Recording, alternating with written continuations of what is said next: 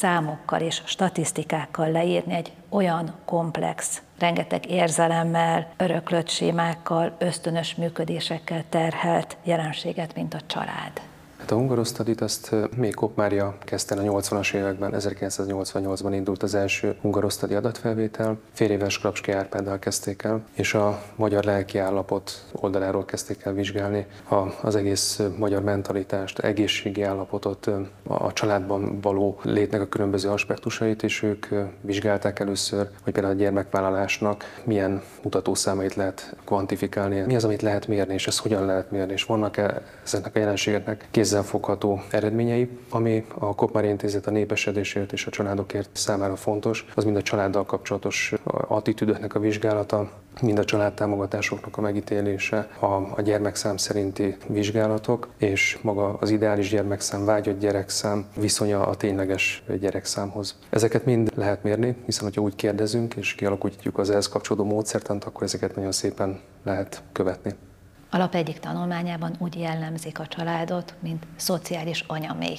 Szerintem ez egy jó metafora erre, hiszen az ember szociális lényként kell, hogy létezzen, és ehhez a család támogatása gyakorlatilag elengedhetetlen. De mit lehet azokkal tenni, akik nem kapják meg ezt a induló tőkét, nem kapják meg a családi hátteret, nem részesülnek a családi közeg erősítő szerepéből? Mindenki családban születik, és akik nem természetes családban nőnek föl, ott vannak különböző támogatási lehetőségek, akár az állam részéről, akár pedig különböző intézmények, akár a civil szervezetek részéről. Ez egy nagyon speciális és nehéz feladat, én azt gondolom, és egy nagyon fontos kérdés is, hogy ebben mindenki számára megadasson ez a, ez a lehetőség, hogy családban nőjön föl. Hogy tud a társadalom ebben segíteni egyébként? Milyen intézményes módszerekkel?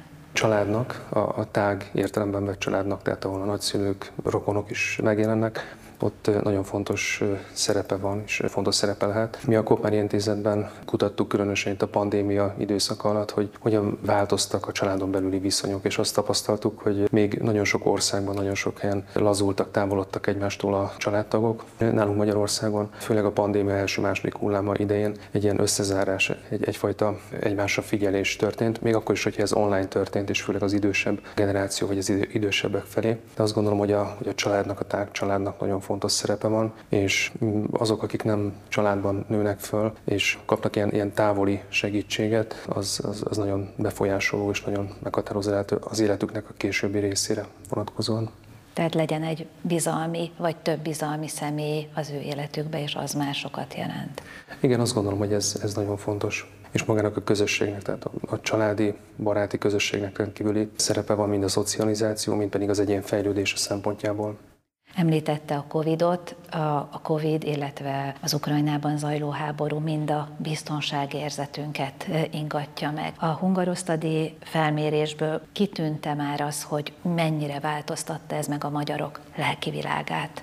A hungarosztadi legutóbbi adatfelvételét 2021 nyarán vettük föl, tehát akkor még, még nem tapasztaltuk itt a szomszédos országban zajló háborúnak a hatásait és az ezzel kapcsolatos gazdasági tényezőket. A pandémia utolsó hullám utáni időszaknak a lelki állapotát mértük, és azt láttuk már egyébként a 2020 évvégi adatokon. Mi minden hónapban vizsgáljuk a közérzetet, lelki állapotot az intézetben, hogy amikor már lehetőség volt arra, hogy a karácsony közösen ünnepeljék a családok, a 2020 decemberi adatokban egy nagyon komoly, egy ilyen fellélegzést láttunk, tehát hogy örültek annak az emberek, hogy találkozhatnak újra családtagokkal, és ezt vitte tovább ez a hungarosztadi adatfelvétel is, amikor 2021 nyarán már lehetett szabadon utazni, lehetett menni nyaralni, és ez a jól létre és magára a lelki állapotra is nagyon pozitív hatással volt. A KSH adatait idézték most a beszélgetés során, ami azt mutatja, hogy most elkezdtek csökkenni a házasságkötések. A gyerek születésben nem nagyon látszik visszaesés. Minek tulajdonítható. Ez lehet, hogy volt egy ilyen boom, amikor mindenki elkezdett házasságot kötni, akinek középtávon mondjuk tervben volt, és most ez lecsengett, vagy hogy tudná ön ezt magyarázni? Valóban látszik a házasságkötések számánál egy majdnem 24%-os visszaesés, a születésszámoknál pedig egy 2%-os csökkenés. Még a, ebből az évből van még két hónap, és jövő év január-február környékén fogjuk látni itt az előzetes adatokból, hogy hogyan alakult a 2023-as év. Az látszik, hogy a házasságkötéseknek a száma, ha mondjuk megnézzük 2010-ben, amikor a mélypont volt, 35.520 házasságot kötöttek, ahhoz képest az elmúlt évtizedben, tehát 2010-hez képest 2020-21-re duplájára emelkedett a házasságkötések száma. Én azt gondolom, hogy ha még idén is, ha nem is tart ki ez a tendencia, de nagyon komoly házasságkötés számemelkedés fogunk látni mondjuk a 2010-es mélyponthoz képest, és itt a komoly csökkenésnek az az oka, hogy egy nagyon magas bázisról történik egy csökkenés, és az előző években láttuk, hogy 2021-ben 72 ezer házasságot kötöttek, de tavaly is majdnem 64 ezer házasságot. Tehát ez egy, ez egy rendkívül magas szám ahhoz képest, amit az elmúlt években, vagy az elmúlt évtizedekben tapasztaltunk. A születésszámokban pedig ez a, ez a kisebb 2%-os csökkenés, tehát ez is egy időszakos adat. Én bizakodó vagyok, és azt gondolom, hogy itt a, a családtámogatások, amik az elmúlt években kerültek bevezetésre, ezek így továbbra is éreztetni fogják a hatásukat. Mi a tapasztalat? Mennyi idő kell, hogy ezek a családtámogatási segítségnyújtások megtegyék a hatásukat?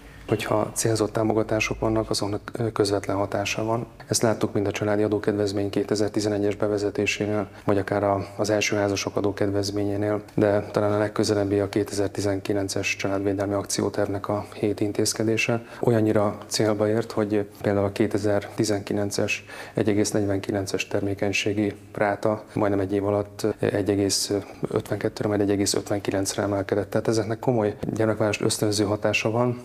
Van egy intézkedés, ami közvetlenül vagy célzottan egy adott társadalmi csoportnak szól, ott nagyon komoly hatást lehet elérni.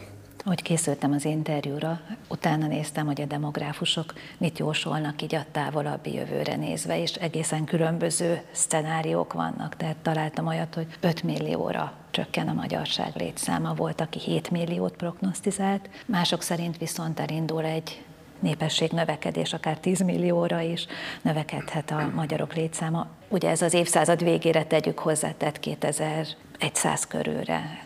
Ön mit tart valószínűnek? Minél messzebb időpont tig vizsgálódunk, annál nagyobb a bizonytalanság itt az adatokban, ezért is látható ez az 5 és 10 millió közötti népességszám változás, vagy ez, a, ez az óriási szórás. Nehéz ezeket megbecsülni, vannak különböző változatok. 1981 óta fogy a magyar nemzet, tehát ez több mint 42 éve, több mint egy millió fővel csökkent az ország népessége. Ezt megfordítani én azt gondolom, hogy nagyon nehéz feladat.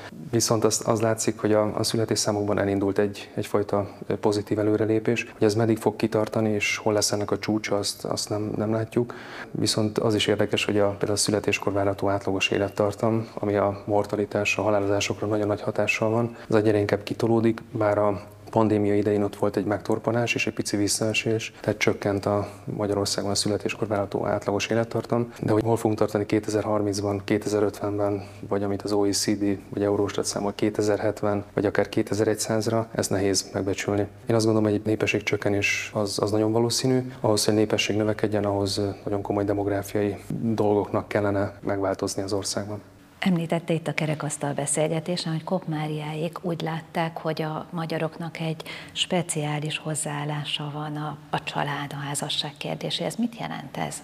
Ez a tradicionális családszemlélet, hogy fontos számunkra a család, fontosak a gyermekek, fontosak a szülők, tehát egy, egy ilyen nagy családban érezzük jól magunkat, vagy több generációs családban, de mégis ilyen két generációs családokban élünk, és az látszik, hogy a, a, a nagy családra nagyon sok fiatalnak, nagyon sok embernek van egy ilyen természetes vágya, viszont az, hogy ez megvalósuljon, az nem minden esetben történik meg. Kopmáriáik is ezt kutatták, és érdekes, hogy azóta bármilyen gyermekvánással kapcsolatos vizsgálatot nézünk, ez a kettő fölötti gyermekszám, ami a népesség fenntartásához szükséges lenne, ez szinte mindenhol egyöntetően megjelenik. Tehát, hogy több gyermekre vágyunk, több gyermeket tartunk ideálisnak, mint amennyi valóban meg is születik. Változott az utóbbi évtizedekben a magyarság attitűdje azzal kapcsolatban, hogy mit gondolnak az egygyerekes családokról, a többgyerekes családokról, vagy az egyedülálló szülőkről? A 2000-es évek első évtizedében azt láttuk, hogy a, a ratkó unokák, tehát a ratkó korszak az 50-es években születetteknek a gyermekei, akik a 70-es évek közepén születettek, nél elmaradt ez a baby boom, tehát a ratkó dédunokák, hogyha lehet így fogalmazni. Ezt már a 90-es évek végén várták a demográfusok, hogy ha volt ratkó korszak és volt ratkó unokák, akkor lesz egy ratkó dédunokák is, ez elmaradt, tehát ezt nem látjuk a korfán.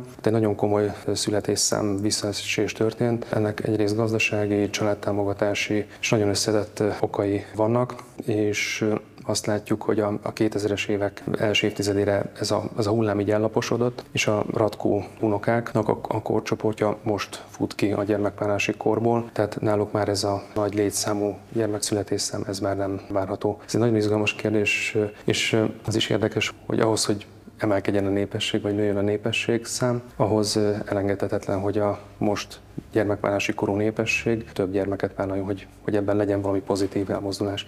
Előző lapszámunk szintén a bizalommal foglalkozott, a hármas szám, csak egy tágabb perspektívában a társadalomban működő bizalommal. Itt az, hogy a fiatalok merjenek nagyobb családot vállalni, ugye nem csak gazdasági szempontok játszanak ilyenkor szerepet, hanem az is, hogy mennyire bíznak abban, hogy megkapják a társadalomtól, a közösségtől a segítséget. Hogy lehet ezt támogatni? Milyen módok vannak, amiket szeretnének a fiatalok megkapni? Esetleg mit lehet szorgalmazni ennek érdekében? Az elmúlt években ezt nagyon sok kutatásban vizsgáltuk mi is a, Koppári Intézetben, és más kutatások is foglalkoztak ezzel. Pandémia előtt és pandémia utáni időszakot, hogyha megnézzük, korábban a fiatalok számára az anyagi tényezők, tehát a biztos jövedelem, biztos munkahely, a lakásnak a megléte nagyon fontos szerepet töltött be. És utána következtek a párkapcsolati attitűdök, a gyermekvállalással kapcsolatos, felelősségvállalással kapcsolatos kérdések, egészségügyi tényezők, és ez az elmúlt egy-két évben megváltozott, tehát látjuk, hogy itt van egyfajta elmozdulás, és a párkapcsolatnak a jelentősége került az első helyre. Ehhez még kell több kutatás is, hogy ezt valóban tudjuk így lokalizálni, hogy most ez tényleg egy ilyen elmozdulás, vagy változás, vagy ez egy ilyen egyedi jelenség. Fiatalok számára nagyon fontos a, a párkapcsolat, és talán ez nem is véletlen itt a Covid hatása fényében, hogy ott a kapcsolatok, családi kapcsolatok, párkapcsolatok lazultak, nehezebben alakítanak ki párkapcsolatot, talán félnek is ettől. Azt gondolom, hogy minden kapcsolat a bizalomra épül, ez, ez talán, talán lazább lett, vagy kicsit fellazult, és ez, ez, ez látszik ezekben az adatokban is. Ön szerint hogy lehetne a társadalmi bizalmat építeni, erősíteni? Én személy szerint azt gondolom, hogy példaképekkel, jó példákkal, és a kisebb közösségeknek a szerepével, vagy a kisebb, nem feltétlenül iskolai, hanem iskolán kívüli közösségeknek az erősítésével.